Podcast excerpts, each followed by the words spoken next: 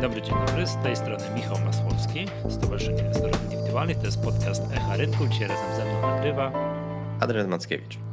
Pierwszy temat na, na dzisiaj, który wpadł nam tak z nienacka, to jest temat złotych portfeli przyznawanych przez parkiet.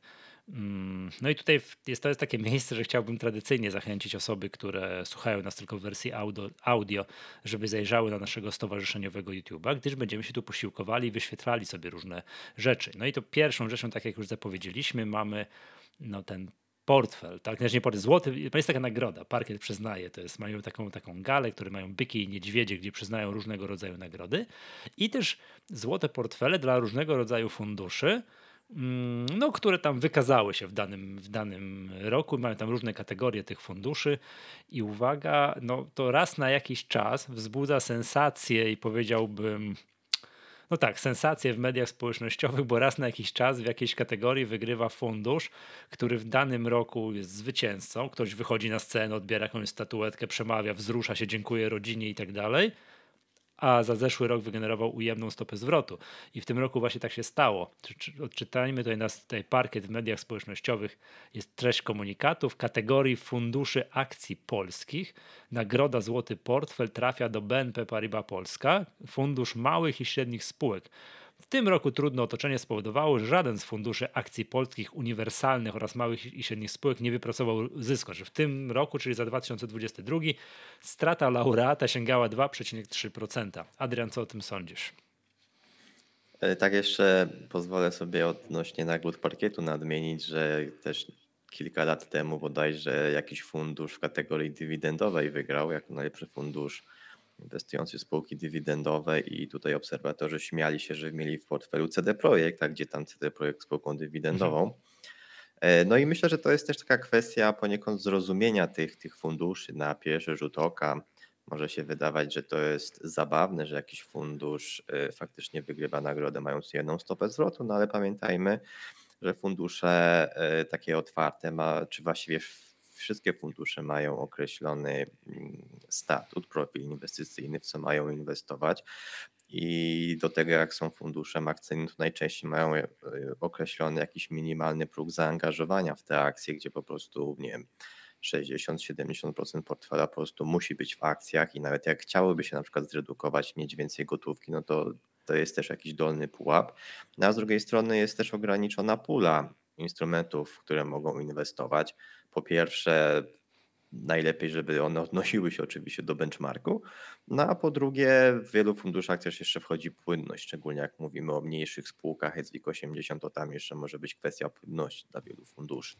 No więc z jednej strony wygląda to śmiesznie, z drugiej strony, jeśli fundusz musi wybierać spółki z jakiejś grupy, jakiegoś indeksu, gdzie powiedzmy średnio ważony, e, średnio ważona stopa zwrotu z tego indeksu benchmarku to jest powiedzmy minus 20, a fundusz wypracowuje minus 2, no to, to, to relatywnie jest 18 na plusie punktów procentowych, tak?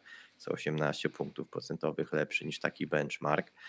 E, no a prawda jest taka, że w 2022 roku faktycznie te indeksy e, no nie miały łatwego, łatwego okresu. Była była BESA na indeksach, więc e, suma summarum wcale nie musi to aż tak źle wyglądać na pierwszy rzut oka i no i tak wynik takiego funduszu raczej faktycznie można ocenić pozytywnie.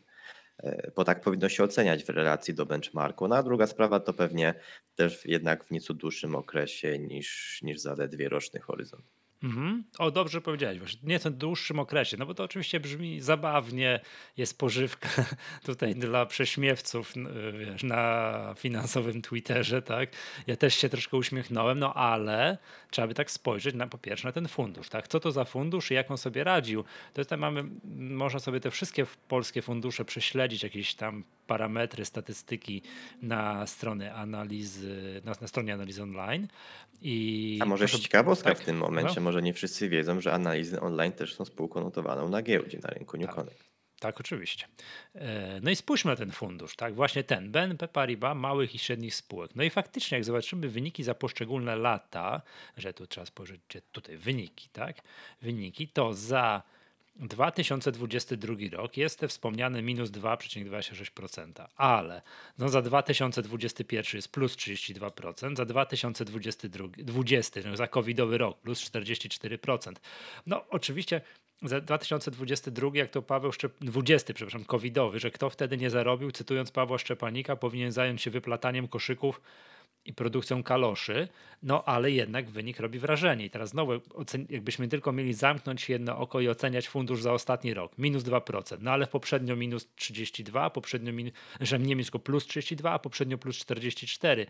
Mm, wynik. I zobacz taki... też na benchmark, tak? To widać na wykresie, że te wyniki są to jest jakieś tutaj średnia dla, średnia dla grupy, no bo to, to jest, yy, że ten, ten fundusz nie ma takiego, okay. nie ma benchmarku, czy nie ma nagłos powiedziany typu MWIG40, czy coś takiego, nie? Jest taki, tym, trzeba tak mniej więcej patrzeć, skoro małe i średnie spółki, to porównujmy go do jakiegoś MWIG-u, SWIG-u, tak? Mniej więcej do zachowania indeksów, nie ma w punkt podanego benchmarku, prawda? Yy, ale średnia dla grupy z tych funduszy, no tutaj oni zrobili w ostatnim roku minus 2,26, a średnia dla grupy jest minus 18 i pozycja w grupie oczywiście pierwsza, pierwsza z 22 funduszy no takich, tak, małych i średnich, małych i średnich spółek, więc jakby to popatrzmy jeszcze tak te wyniki tego funduszu, no takie trochę dłuższe, czyli za 5 lat ten fundusz zrobił plus 111%, za ostatnie 4 lata plus 100, 130%, za ostatnie nie, za ostatnie 4 lata, a plus za ostatnie 3 lata plus 164%, tak? Czyli można by powiedzieć, że to jest całkiem dobry fundusz, tak? To jest tutaj naśmiewanie się z tego, że ten fundusz w ostatnim roku zrobił tam minus 2 z hakiem, no to tak jakby, nie wiem, naśmiewa się z ETF-u na S&P 500, że w ostatnim 2022 był na minusie, no bo, bo, bo no 2022 rok, przypomnijmy, to był rok, że jeden z nielicznych w historii świata w ogóle, że straciły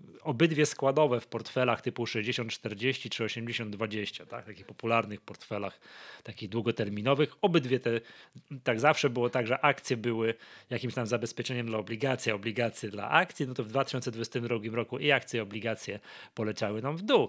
Więc można by powiedzieć, że to jest całkiem przyzwoity fundusz. Natomiast mm, to to, to, to, na obronę tego funduszu, tak? Za sekundkę jeszcze przyczepię się do jednej rzeczy.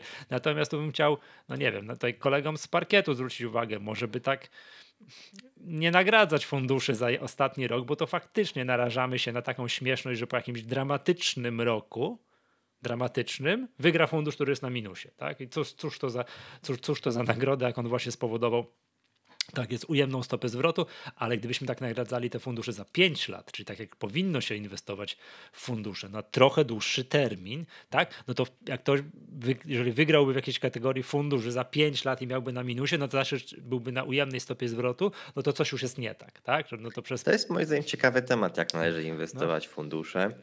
E, ja bym bardziej powiedział, że inwestując w fundusze jednak też musimy być takim aktywnym inwestorem, na zasadzie wybierać sobie te fundusze. No, są różne fundusze, w które inwestują mhm. też różne klasy aktywów.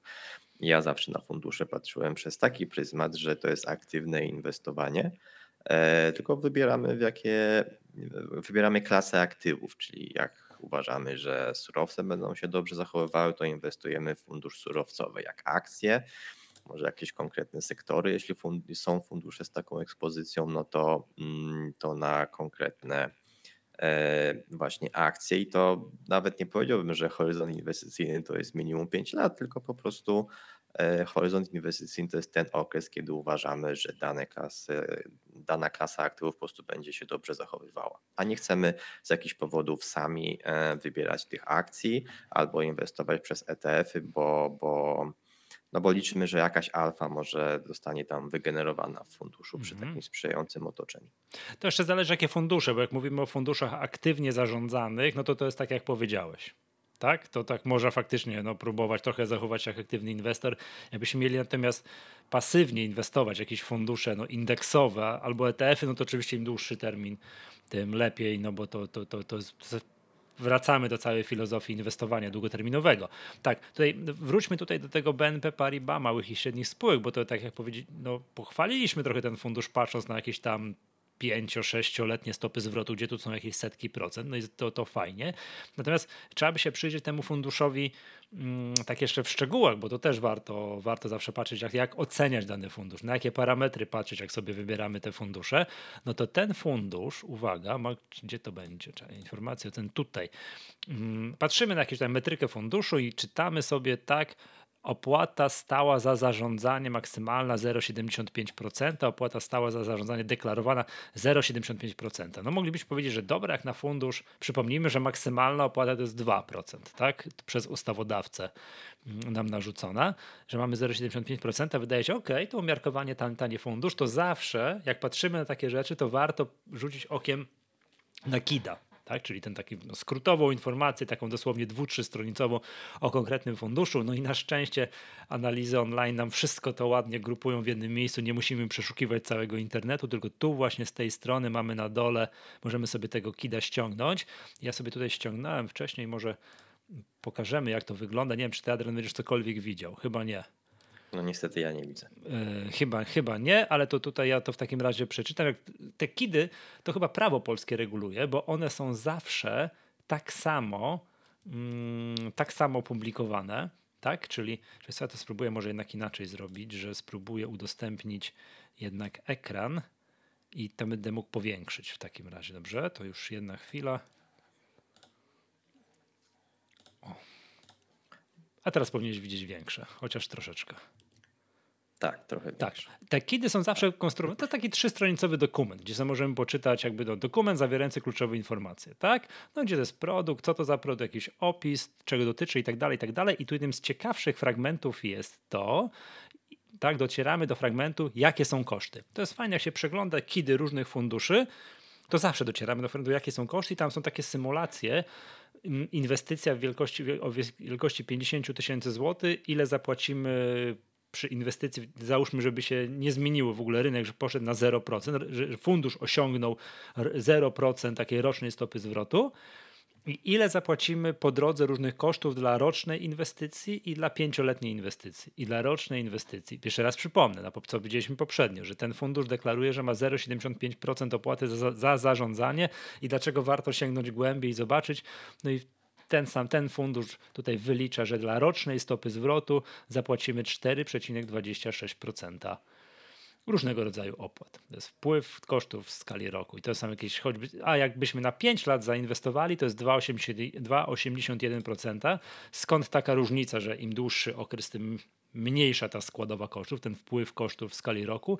Ona wynika z tego, że tu koszt wejścia, że jest 1,60% płacimy na dzień dobry przy kupnie jednostek tego funduszu, tak? Więc no to no z, tego, z tego to chociaż, chociażby wynika. Więc zawsze proponuję spojrzeć na, na, na ten właśnie parametr, zaglądnąć do tego KID-u, a nie patrzeć tylko na, na, na, nie wiem, na stronie analizy analizy online, tak jak czytam na stronie jakichś stronach funduszu, jaka jakieś tam deklarowana opłata, tam pobierana opłata za zarządzanie, bo ona może być, to może być mylne, bo to jest opłata za zarządzanie i jeszcze cała masa różnych, cała masa różnych innych rzeczy, a widocznie te kidy, zakładam, że struktura tych kidów jest wymuszona przez prawo, bo jak porównuję sobie różne fundusze, to to z, z grubsza jest mniej więcej to samo. Dochodzimy, jakie są koszty, 50 tysięcy złotych, rok, 5 lat, no i mamy cyferki, prawda? Tutaj, no i te cyferki Myślę, są takie, że...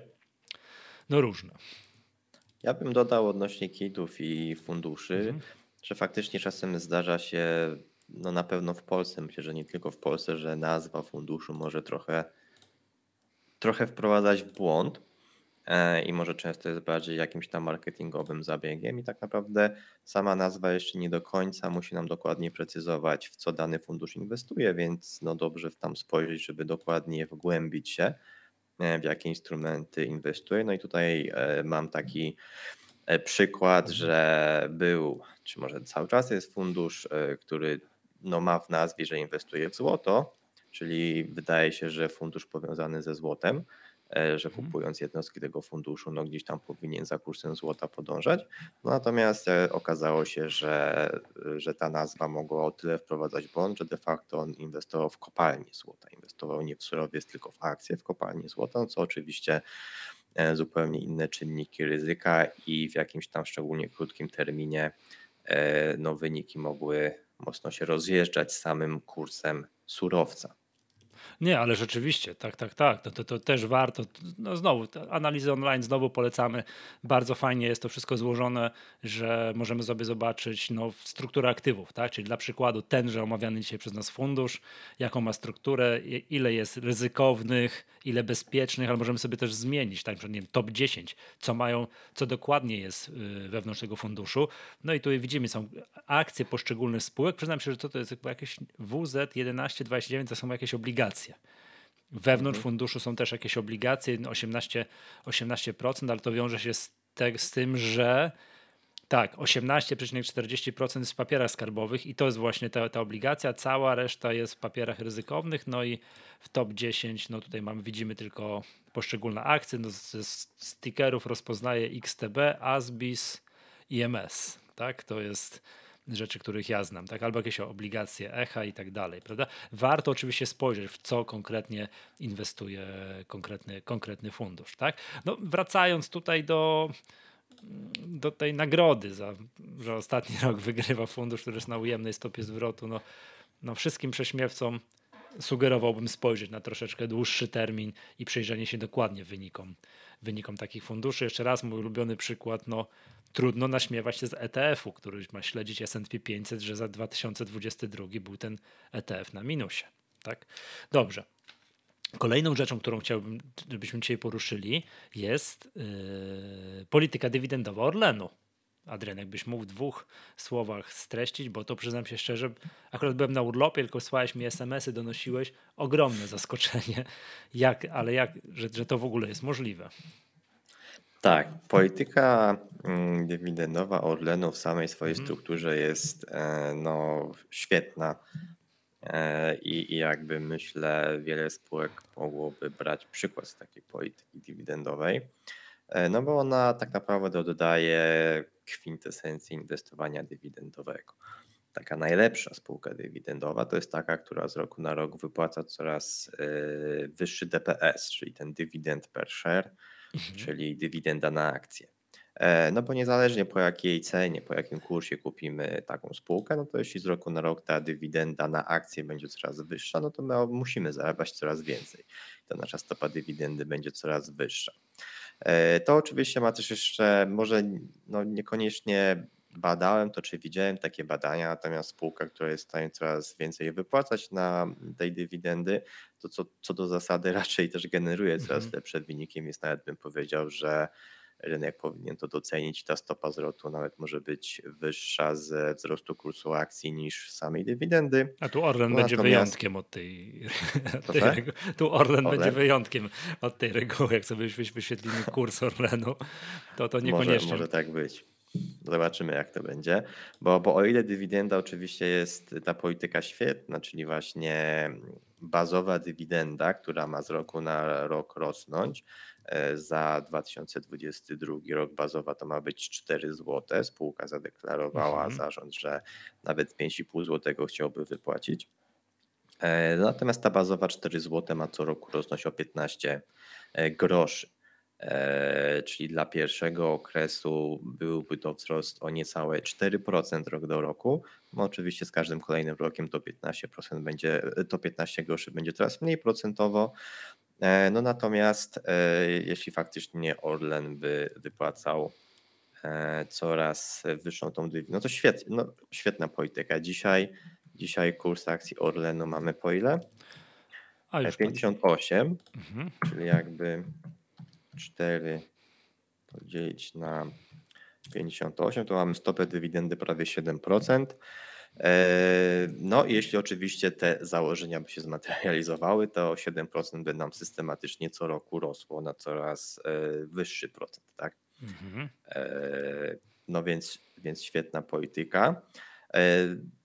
Tutaj, tutaj myślę też duże zaskoczenie, jeśli chodzi o mm, duże zaskoczenie rynkowe, czy to nawet rekomendacją dywidendy za ten ubiegły rok, czy, czy planami właśnie takiego takiej bazowej, systematycznego wzrostu tej dywidendy.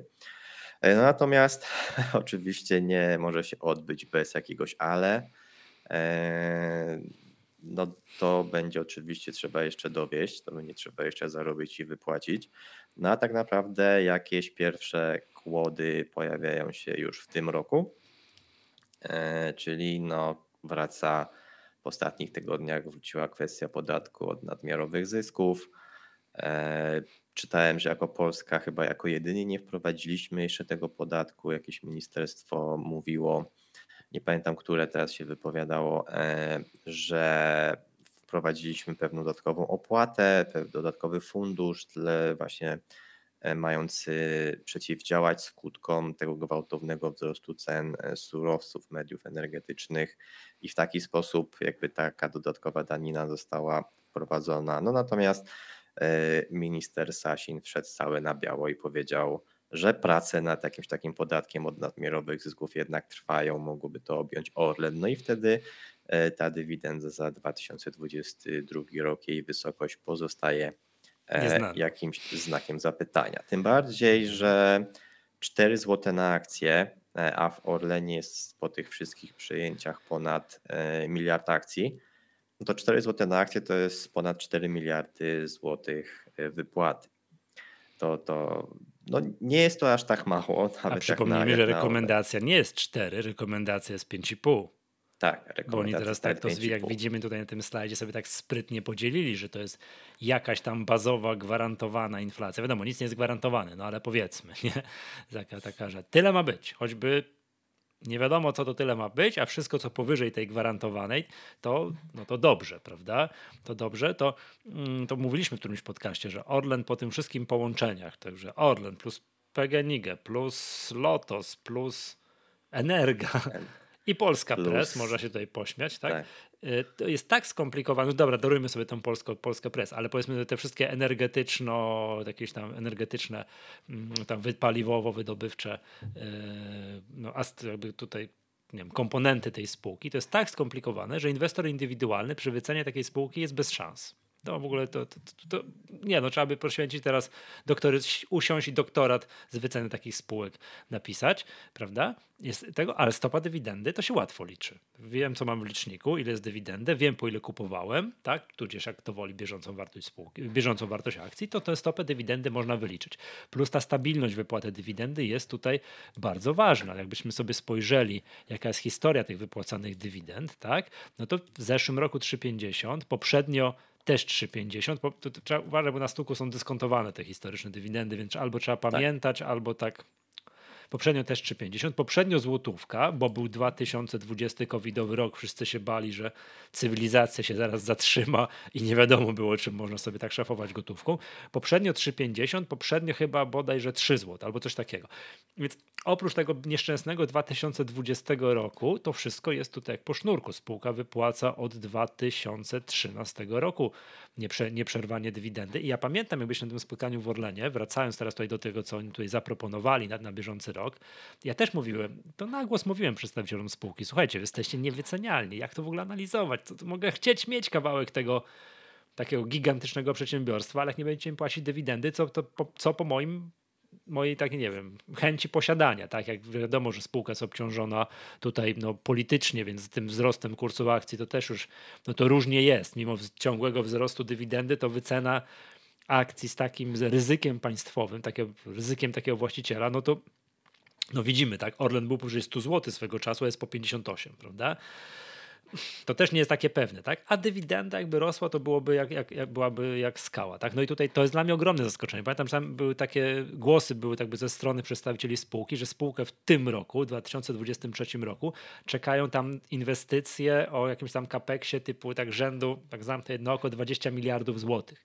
To, nie jest, to są ogromne pieniądze, tak? Ogromne pieniądze i nawet to jest pierwsza rzecz, a druga z tych wszystkich połączonych podmiotów, o których tutaj dyskutowaliśmy, no nie wiem, PGNiG nie płacił dywidendy, tak? Choćby, tak? A teraz nagle trzeba wypłacić, czy tych akcji przybyło strasznie dużo po tych wszystkich połączeniach, wymianach i tak dalej. Nagle trzeba wypłacić, widzisz, za 5,5 miliarda zł, tak? No jestem bardzo ciekawy. Powiem tak, oczywiście przyłączę się do tego, co ty mówiłeś, czyli taka zapowiedź, tak namalowany slajd, że jakaś tam bazowa dywidenda, taka w cudzysłowie gwarantowana, no nic nie jest gwarantowane w życiu, ale powiedzmy sobie, tak? Taka, to brzmi fantastycznie. To jest jakaś taka, to jest powiedziałbym taki troszeczkę amerykański styl wypłaty tej dywidendy, gdzie te spółki duże, tak, ci te, te mhm. duże, stare, które są na tej giełdzie długo, które biją się o to, żeby po tych dwudziestu paru latach wejść do tego, tego elitarnego grona tak zwanych arystokratów dywidendowych. Tam przypomnijmy, one muszą wypłacać nieprzerwanie dywidendę przez 25 lat i ta dywidenda ani razu nie może zmaleć. Tak? Nie można sobie pozwolić na krok wstecz. O, mamy gorszy rok, to wypłacamy mniejszą dywidendę albo coś takiego. No i tych arystokratów dywidendowych typu właśnie tam na wszystkie Coca-Cola, McDonald's, Procter Gamble, coś tam i tak dalej, to tak za dużo nie ma. Także te spółki nawet w ciężkich czasach czasami wypłacają ciągle niemalejącą dywidendę, żeby tylko nie wypaść z tego grona arystokratów dy dywidendowych. No to to, ta propozycja, którą tutaj mamy na slajdzie namalowano. Jeszcze raz zachęcam tutaj słuchaczy do zajrzenia naszego YouTube'a i rzucenia okiem na na, lub rzucania okiem na tę strategię, strategię Orlenu, gdzie my tylko jeden slajd mamy przed sobą. Całe resztę w ogóle nie przewijamy, bo to jest, to, to, to, to, to jest naprawdę trudne do analizy, ale a ten slajd jest fantastyczny, to to jest piękne. Tak? To to jest piękne, bo to jest właśnie niemalejąca dywidenda. Tak? To powiedziałeś, że to jest per share, rośnie. Tak? Cały czas rośnie tam mhm. plus 15 groszy, plus 15 groszy, plus 15 groszy, plus oczywiście jakieś propozycje powyżej tej, tej bazowej dywidendy tutaj namalowane kolorem czerwonym, prawda? Na bieżący rok ta, ta bazowa gwarantowana jest 4 zł, która i tak jest wyższa niż zeszłoroczne 3,50 i jeszcze bonusik 1,5 zł, byłoby to 5,5 zł, czyli tam około, jak powiedział ładnie, tu wyliczyłeś 5,5 miliarda, tak? Mniej więcej, tak? Także to by no to... nawet 6. Nawet 6. 5,5 zł to nawet 6 miliardów. A to Orlen wydaje, no to wiadomo, 5, 6 miliardów nie, to nie jest mało, ale wydaje mi się, że Orlen mógłby taką dywidendę taką dywidendę wypłacić. Przypomnijmy, że połowę z tego, te 49% po tych wszystkich roszadach i tak dalej, mm, Skarb Państwa bezpośrednio inkasuje. Tak? Ja wiem, że Skarb Państwa może zaraz wymyśli to, co znowu ty też powiedziałeś, jakiś ekstra podatek, żeby tylko wypłacić tę dywidendę inną drogą, no ale ufam, że jednak slajd jest malowany w porozumieniu z głównym akcjonariuszem. Tak mi się wydaje, znaczy, proponowany, że tak, tak będziemy wypłacać dywidendę. Tak, tak zarząd Orlenu tutaj zaproponował, wypłacił, no to chyba to się nie obyło bez konsultacji z, z głównym właścicielem. E, myślę, że odnośnie mam cztery kwestie, mhm. ale do, do tej dywidendy dwie. E, czy też podatku. Pierwsza jest taka, że to faktycznie jest Unii Europejskiej, nie, to, to, to, to nie jest tak czysto nasz pomysł. Ten windfall tax tak zwany, Chociaż tak? akurat pamiętam, że premier Morawiecki pierwszy chciał opodatkowywać Norwegię e, mhm. za, za, za te zarobki na, na cenie gazu, że powinna się dołożyć, więc no jako tako, jeśli chodzi o inne kraje, walczyliśmy, żeby ten windfall e, tak został faktycznie wprowadzony. No ale co do zasady przekaz jest z Unii e, Europejskiej, więc to też nie do końca jest tak, że nasi politycy teraz jakoś specjalnie tylko oni wymyślili, żeby naokoło e, wypłacać pieniądze bez pominięci mniejszościowych. No natomiast oczywiście dla inwestorów byłaby to negatywna informacja. Ale przypomnijmy, że to ma być e, podatek tych spółek energetycznych, tak? To to, że mhm. my to mieliśmy, dyskutowaliśmy o tym w którymś podcaście. Na stronie pisaliśmy, że to, że minister Sasin stwierdził, że wszystkie spółki, które miały nadmiarowe zyski sobie opodatkujemy, no to to jest nasze, że tak powiem, tak. tak. strzał z biodra niczym, ni, niczym John Wayne na dzikim zachodzie, absolutnie. Tak, to nie jest pomysł Unii Europejskiej, to jest po prostu, to jest, tylko ma dotyczyć no, tak faktycznie nieuprawnionego wzrostu zysków, znaczy nieuprawnionego. No. No, ciężko dyskutować, nadzwyczajnych zysków spółek energetycznych, które w tym, tym okresie no, tak są beneficjentami takich mhm. wzrostów cen energii. No. Druga kwestia z ryzykiem politycznym jest taka, e, no, że tak mamy rok wyborczy, Mhm. Zobaczymy, jak wynik tych wyborów będzie wyglądał. No i tu jest jakieś dodatkowe ryzyko, czy tak naprawdę za pół roku cała ta strategia nie będzie, tak mówiąc w cudzysłowie, do kosza. I czy jak, jeśli by się władza zmieniła, no to czy, czy jakby nowi y, rządzący nie będą mieć inny, innego pomysłu na Orlen i na to, jak ewentualnie te zyski wypłacać. E, więc to, to jest też takie rok, e, rok wyborczy zawsze rodzi dodatkowe ryzyka, szczególnie też tutaj dla spółek Skarbu Państwa. Kolejna kwestia, o której chciałbym się odnieść i o którą powiedziałeś, to właśnie te przejęcia i, i to, że akcji jest o wiele więcej, no to to dość ciekawie mm, wygląda, bo e, ojej, mam nie, ten, nie, ten, nie tę stronę wyświetloną sprawozdania. E, w 2022 roku spółka miała zysk netto 35 miliardów złotych. Co prawda z tego 14 miliardów to było z tytułu okazyjnego nabycia Lotosu i Orlenu, ale 35 miliardów. E, rok wcześniej było to 11 miliardów, czyli pi razy oko e, zyski wzrosły razy 4.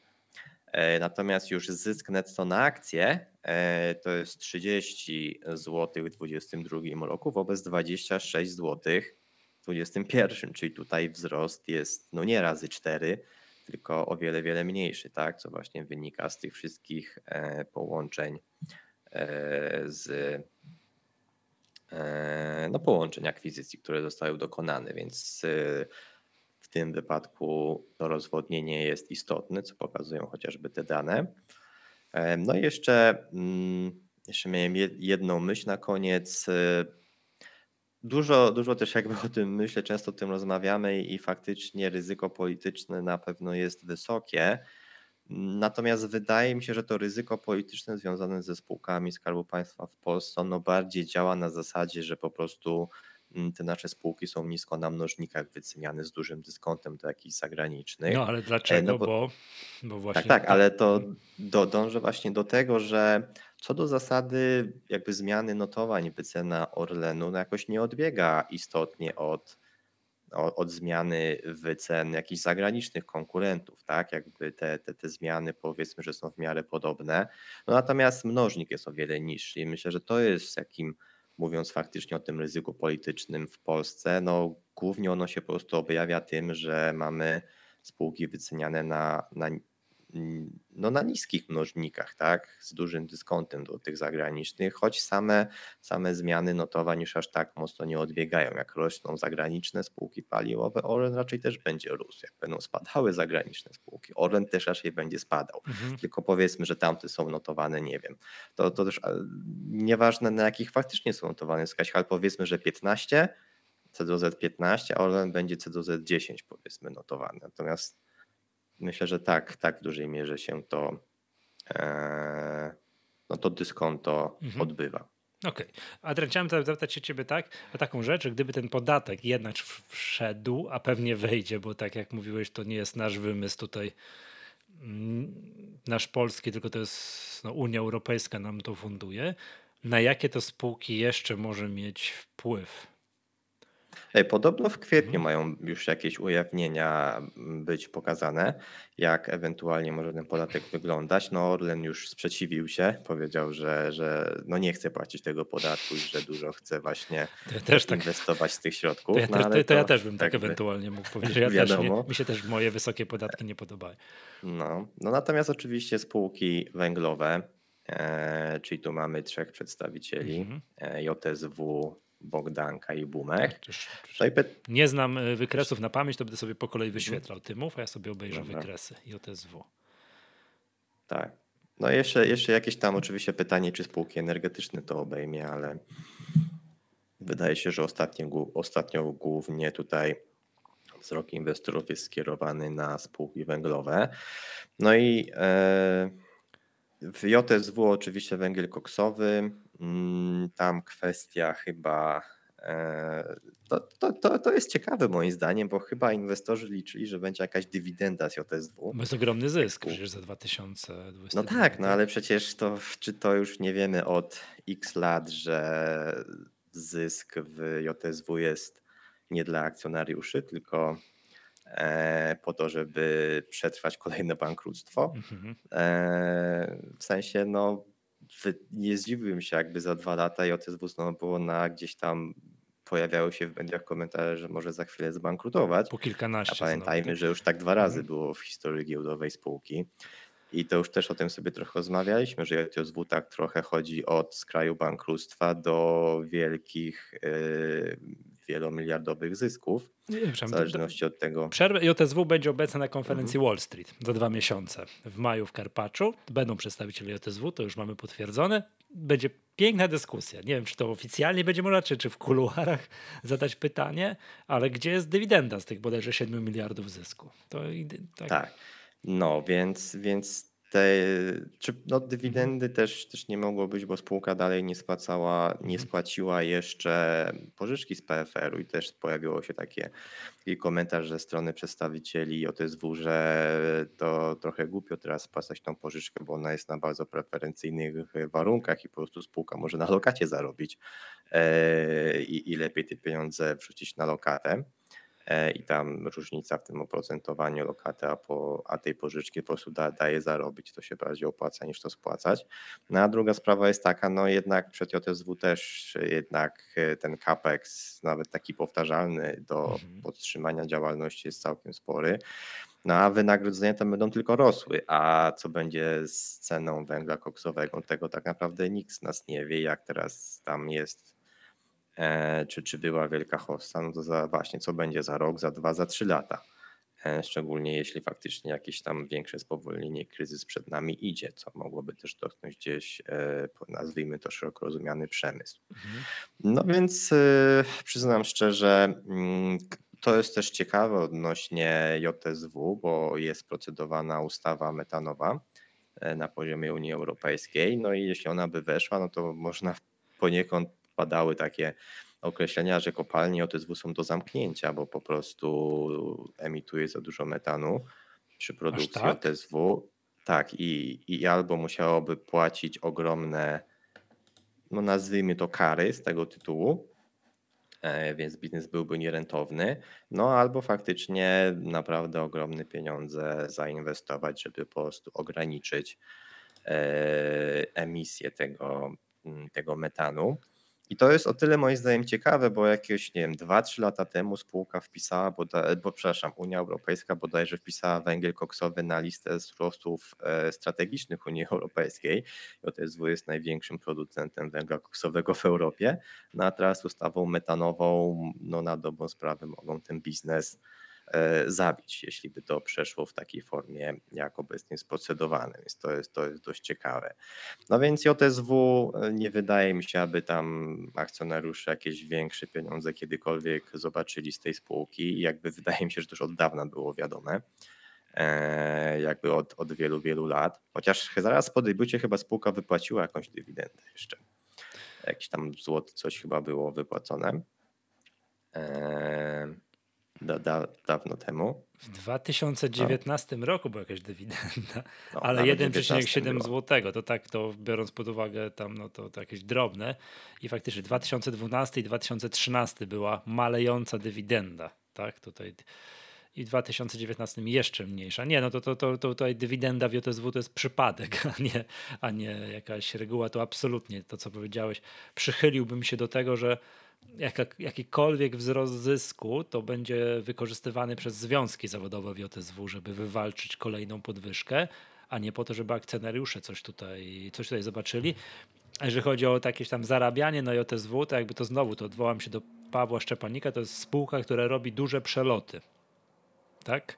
Od tak. kilkunastu tak. złotych do 100 zł. Od 100 zł znowu do kilkunastu złotych, bo bankrutuje raz na jakieś co parę lat. Po czym znowu to jest spółka, klasyczna spółka cykliczna. Tak? To nie jest producent pasty mhm. do zębów, która regularnie rok w rok robi to samo, albo jest gigantyczny popyt na węgiel, bo nie wiem, bo kryzys energetyczny, albo właśnie odchodzimy od węgla, bo, no bo, bo, bo trzeba odchodzić od węgla w długim terminie i tak dalej.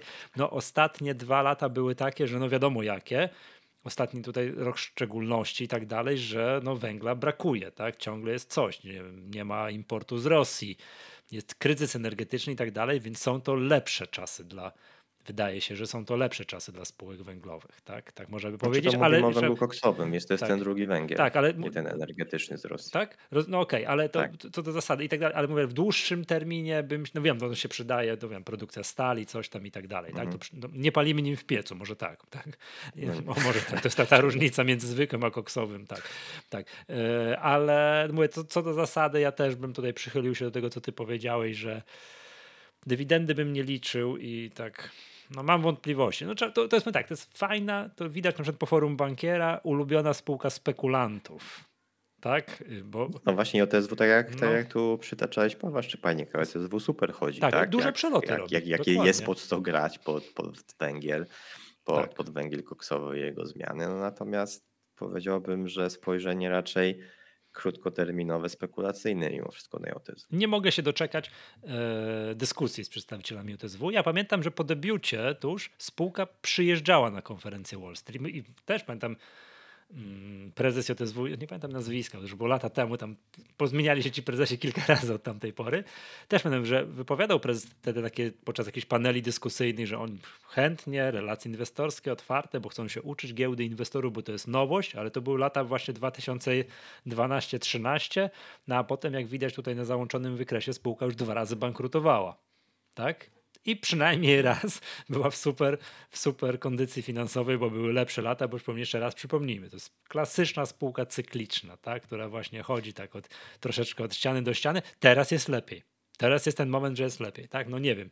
Ja nie czuję się w żaden sposób tutaj jakby Mm, no nie wiem, no, specjalistą i tak dalej, to nie płaci dywidendy regularnie. Ja się to, jak ja mam inwestować w coś, co nie płaci regularnie, regularnie dywidendy? Ale widzę też to, co powiedziałeś, ten ryzyko tych, tego, nie wiem, daniny Sasina, czyli podatku windfall też. tax. Tutaj to, to, JSW jest idealnym kandydatem, żeby się załapać na, na ten podatek. No, wiele, wiele osób też widzę, że często może ze zdziwieniem e, komentuje, zauważa, że gdzieś tam OTSW jest nawet notowane cena do zysku na poziomie 1 czy poniżej 1. Eee, czy, czy tam nawet środki pieniężne już są bliskie, czy tam przewyższają kapitalizację. No tak, spółka jest eee, warta no natomiast... na giełdzie tu i teraz 5,5 miliarda. Przypomnijmy, tak. że spółka za zeszły rok zarobiła 7 miliardów. Mhm. Tylko. C do Z 0,69.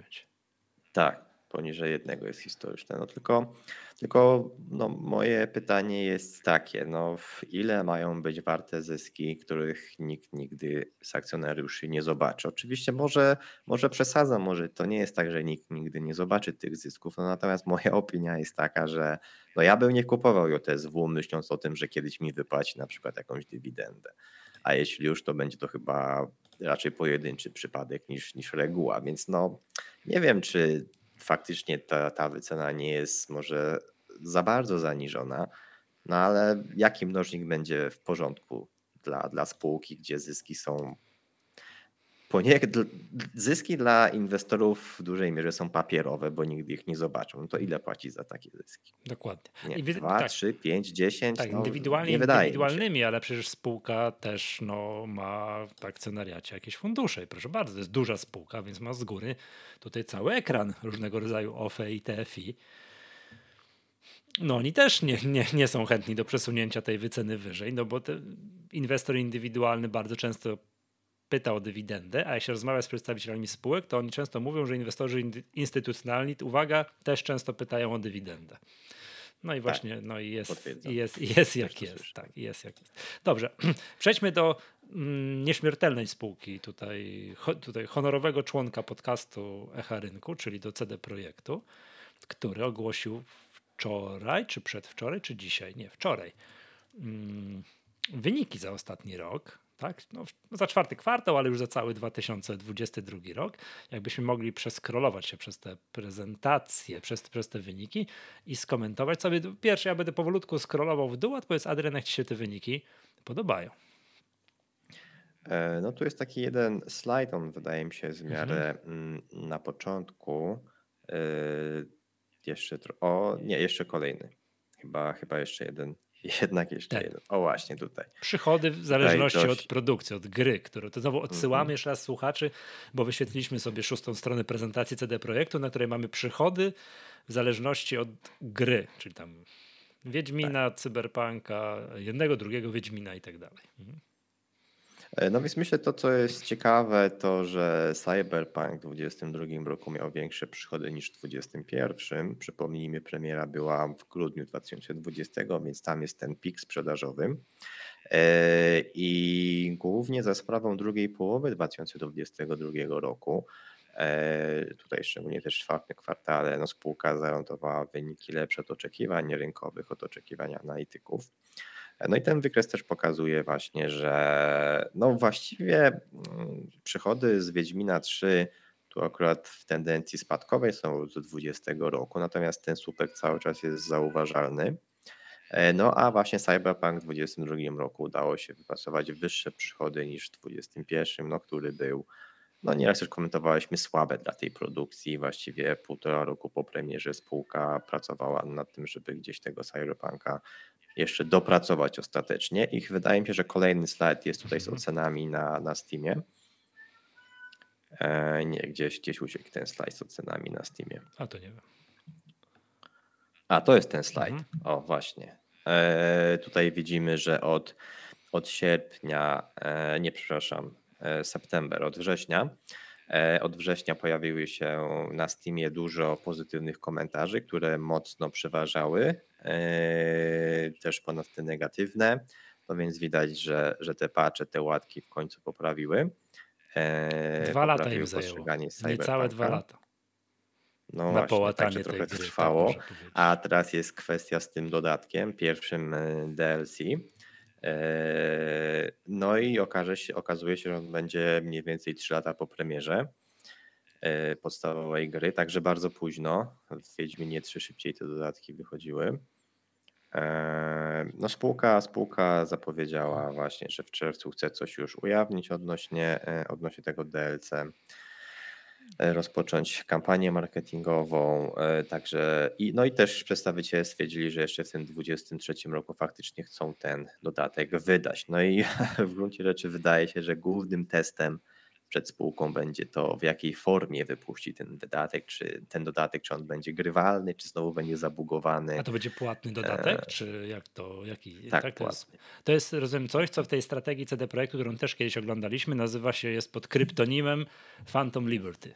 Tak? To jest tak, to, to, jest to. to jest właśnie tak, i znowu tutaj mamy piękny slajdzik, którym widzimy ile ludzi, bo to jak ten zespół jest podzielony, tak? I widać, że ten żółty jest naj, najfajniejszym fragmentem, że żółty to jest ile mhm. ludzi pracowało nad e, połataniem cyberpunka, tak, tak, tak można powiedzieć, że, że jeszcze, no nie wiem, no dwa, tutaj w grudniu 2021 roku, czyli rok po, cyber, rok po premierze, to jeszcze, nie wiem, ze 20%, kilkanaście procent zespołu pracowało, teraz już jest to pojedyncze procenty, Grup, nie wiem, z 50% już pracuje tylko i wyłącznie jakby na te zespołu pracuje nad tym dodatkiem do cyberpunka i okazuje się, że ten nowym Wiedźminem, tak? Bardzo dużo pracują nad nowym Wiedźminem i tu warto jeszcze zwrócić uwagę na ten czerwony fragment, czyli ten, ten, ten to jest też jakaś gra w tym świecie Wiedźmina, ten projekt Sirius, który jeszcze w, w, w lutym 2023 roku jeszcze sporo osób nad tym pracowało, a on został w ostatnich dniach, tygodniach ubity.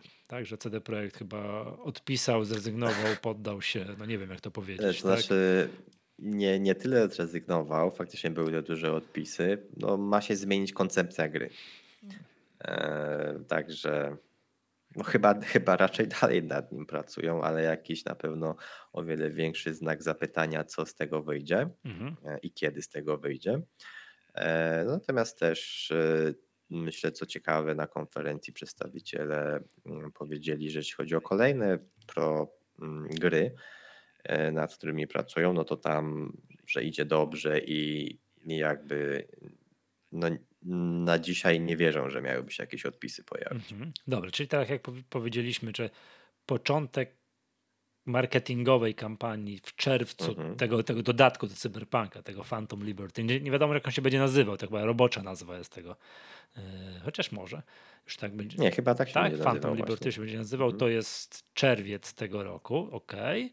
No i wyniki finansowe, jakbyśmy sobie mogli spojrzeć, to jest ciekawe, że mm, dwa lata po wypuszczeniu gry wyniki finansowe, już taki przychód, nie że zysk netto jest wyższy niż rok po wypuszczeniu gry, gdzie wydawało się, że to zawsze powinno być inaczej, że wiadomo, w, w roku wypuszczenia gry gigantyczny przychód i potem to sobie spokojnie, spokojnie maleje, a tymczasem było odwrotnie, także zysk netto za zeszły rok, za, nie wiem, za 2021 208 milionów, zysk netto za 2022 347 milionów złotych. No ale ogólnie to bez szału, prawda? No, tak nominalnie przez pryzmat wyceny 20 miliardów, ile, czy nawet więcej. Ile ten CD Projekt jest aktualnie? Nie, chyba co ty, teraz jest mniej. Jest, Teraz już mniej. No pewnie, przy cenie, no przy cenie 112 zł to jest sto kilkadziesiąt, no. sto, nie wiem, 10, 10, o 11 tak. miliardów. To się łatwo, to, to, u nich mają, oni mają okrągłą liczbę akcji, więc jak kiedyś byli tak. warci 40, to było 40 miliardów, teraz są warci, nie, 400 przynajmniej, byli warci 400 zł, to było 40 miliardów, teraz przy cenie 100 kilkanaście złotych jest to 11 miliardów. No i nie wiem, Adrian, to jak to jest? Czy, czy, czy, czy, czy te wyniki, około 300 kilkadziesiąt milionów złotych rocznie zysku 347 milionów usprawiedliwia wycenę na poziomie 11 miliardów, C do Z 37. Czy pierwsze pytanie, czy to je faktycznie będzie roczny, tak? No, szykuje się dodatek Phantom, e, dodatek DLC do Cyberpunka. Zobaczymy, na ile on zbodźcuje sprzedaż.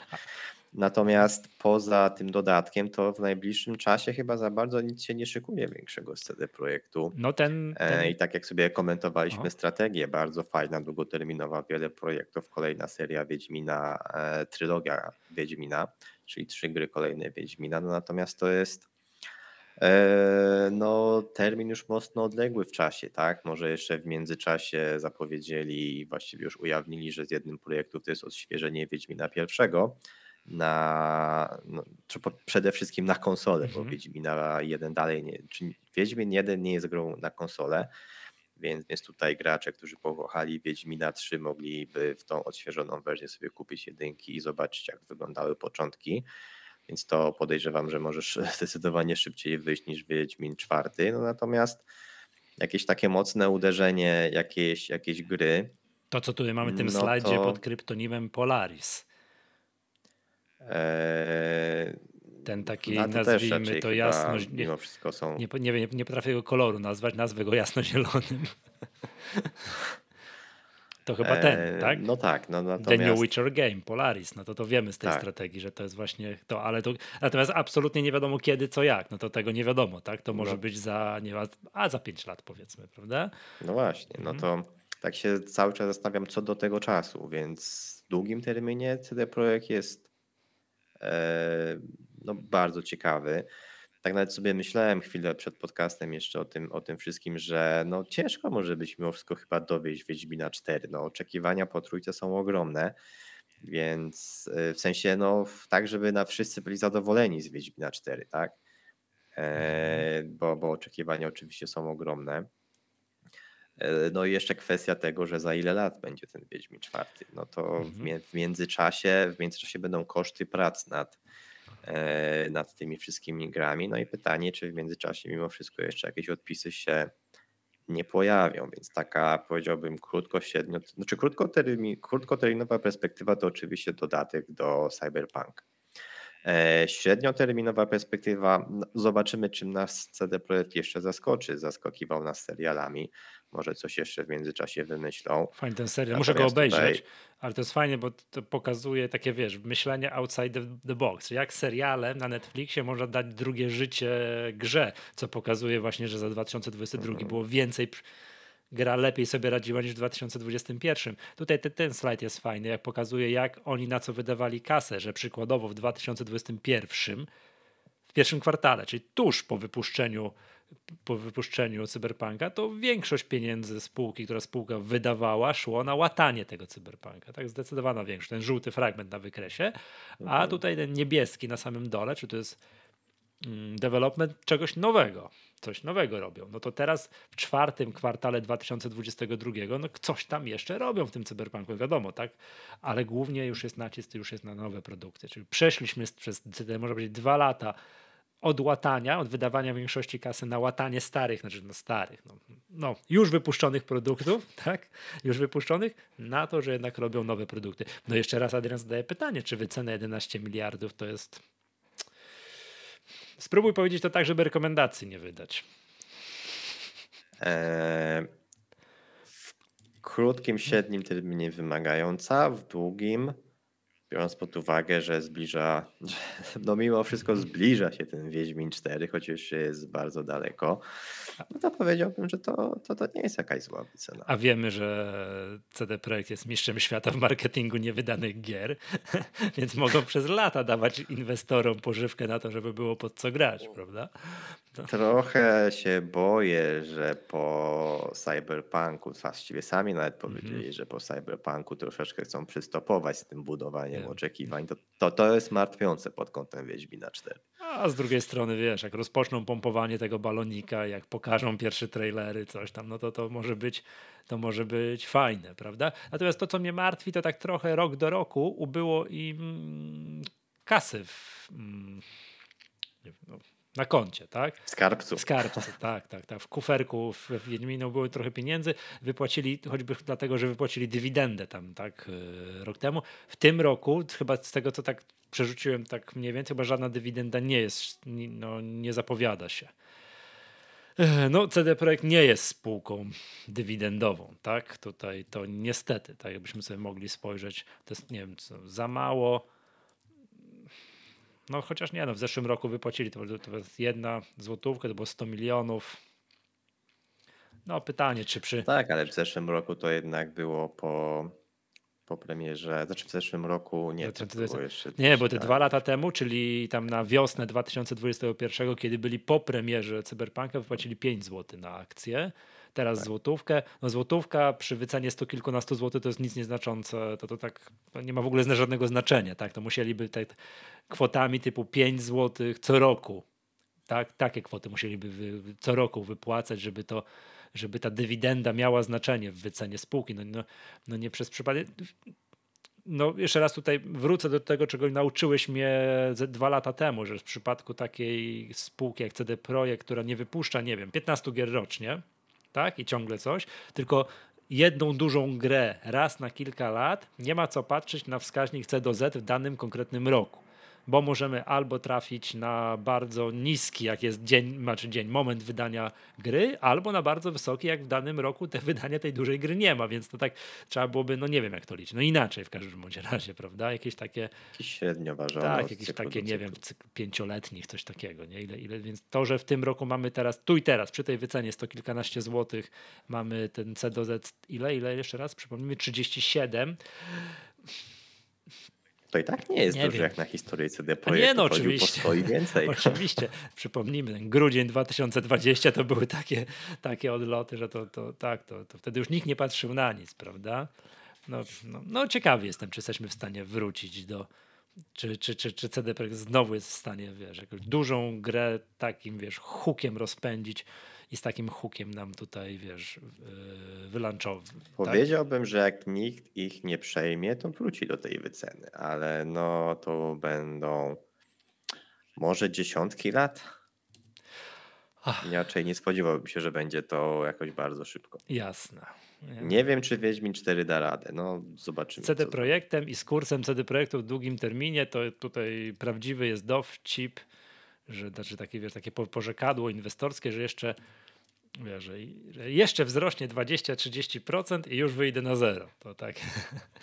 Natomiast chciałbym tutaj zachęcić, bo tutaj akurat i gorąco pozdrowić Radka Chodkowskiego, który swego czasu na Twitterze regularnie opisywał swoją strategię budowania długoterminowej pozycji na CD Projekcie i dokupywania jej transzami co pewien czas. To jesteśmy umówieni, że znowu na zbliżającej się konferencji Wall Street yy, opowie taki temat, yy, jak budować jak podchodzić do różnych takich właśnie pomysłów budowania pozycji transzami. Właśnie uśrednianie, czy uśrednianie ma sens? No i urządziliśmy sobie w prywatną taką dyskusję, że czasami na przykład uśrednianie na ETF-ach na dany indeks może sens mieć no bo ETF na dowolny indeks, nie wiem, nawet na WIG20 raczej nie zbankrutuje, tak? Musiałaby giełda w Polsce zniknąć, tak co do zasady w ogóle, tak? A na S&P 500 to w ogóle jest bezpiecznie, można sobie to uśredniać, uśredniać, uśredniać w dół oczywiście i tak dalej. O tyle uśrednianie już na bardzo konkretnej spółce, choćby to nie wiadomo jaki był czempion, no to już jest ryzykowna strategia, tak? To wszyscy mówią, masz stratę, pogódź się, i, pogódź się i sprzedaj, prawda? Tymczasem jest inne podejście, że ja dalej wierzę w tę spółkę, ona jest tańsza, to może by ją tak dokupić. No i taka dyskusja nam się wiązała i Radek Chodkowski będzie miał na ten temat wykład na Wall Streetie. Znowu zapraszamy pod koniec maja do Karpacza. Uśrednianie to jest bardzo brzydkie słówko. E, I, I myślę, że nawet to, o czym teraz mówiłeś, czy rozmawiałeś z Radkiem, nie miało nic wspólnego z uśrednianiem. Nie, to jest nie, absolutnie. Bud budowaniem pozycji. Budowanie pozycji transzami, oczywiście, tak. że to Uśrednianie co do zasady jest źle, ale uśrednianie jest wtedy, kiedy na przykład chcemy mieć 5, 10, 20% danej spółki w portfelu. Nie wyszło, e, więc dokupujemy ją na coraz więcej, coraz więcej. E, no to wtedy to jest uśrednianie i to jest z zasady złe, bo mamy zbyt duże zaangażowanie w spółkę, która no Mhm. z jakiegoś powodu nie idzie tak, jakbyśmy chcieli. E, Natomiast budowanie pozycji jakieś tam powiedzmy długoterminowe to jest zupełnie co innego, bo wtedy jak chcemy mieć 20% w danej spółce, no to kupujemy 2%, czekamy, kupujemy kolejne 3%, czy tam jakkolwiek innymi mniejszymi, aż zbudujemy taką wartość w portf- portfelu nominalnie, udziałowo, e, jakkolwiek na to patrzymy, która będzie nas po prostu satysfakcjonowała. Tak. No to jak obudujemy to takimi słowami, to nawet można sobie wtedy wiesz, tak zbudować pozycję na CD Projekcie, żeby nie musieć czekać, aż spółka znowu będzie po 400 zł. Tak? To... No nie, no ja bym nawet powiedział, że to jest fajne budowanie transzami, e, no bo nigdy nie wiemy, gdzie będzie dołek na rynku, Tak, tak. albo gdzie będzie górka na rynku, więc Mhm. Lepiej chociaż część kupić e, za jakąś tam niższą cenę, nawet jakby to już miał być ten dołek i potem urośnie, będziemy musieli dokupywać drożej, no niż kupić dzisiaj za jaką właśnie docelową pozycję, a potem to nam już się załamie i może nie wytrzymamy i tak dalej, i tak dalej. E, Tak jest, oczywiście. To zawsze to, ten nóż, y, znaczy nóż, to, to, to wahadło ma, buja się w dwie strony, bo czasami jakbyśmy kupili od razu za całość, to cud nastąpi i raz w życiu kupimy w dołku, tak, ale no to się rzadko zdarza, ale no to tak, y, zgadza się czasami to budowanie taki transzami, dokupywanie, dokupywanie, szczególnie jak wierzymy w spółkę, to, to jest taki, jakiś tam pomysł. Jeszcze raz odsyłamy do wykładu Radka Chodkowskiego na Wall Streetie. Jak jesteśmy w tym miejscu będziemy się powoli zbliżali do końca, no to chcieliśmy Państwa zaprosić. 26-28 maja w Karpaczu. Widzimy się w starym, dobrym hotelu mm, gołębiewskim i konferencja już za 55 dni, tak? Za niecałe, za niecałe dwa miesiące. I tutaj mamy, nie wiem, tak, o, Michał Szafrański będzie gościem specjalnym i mamy całą masę fajnych wykładowców. O, Adrian, ty będziesz wykładowcą. Jaki byś miał tytuł wykładu? Przypomnij mi, proszę. Będę mówił o ciekawych fundamentalnie A spółkach. masz je wybrane? Jeszcze nie. Tak? A, nie a jedna spółka przez przypadek ci już nie wypadła po ostatnim wezwaniu z twoich propozycji? Eee, na co było wezwanie, przypomnij mi. Mm, Będzie wezwanie na, na team za sekundkę. A, tak, faktycznie, wezwanie na team. No, tak, szkoda teamu. Eee, ale no, wezwanie jest po takiej cenie, że eee, no, myślę, nikt tutaj pokrzywdzony nie jest. Tak, dobrze. To zbliżamy się do szczęśliwego końca. Jeszcze raz przypomnijmy, 26-28 maja w Karpaczu, ale my się oczywiście w podcaście Echa Rynku do tego czasu jeszcze parę razy będziemy słyszeli. Ja nazywam się Michał Masłowski. Był z nami Adrian Mackiewicz. Do usłyszenia następnym razem.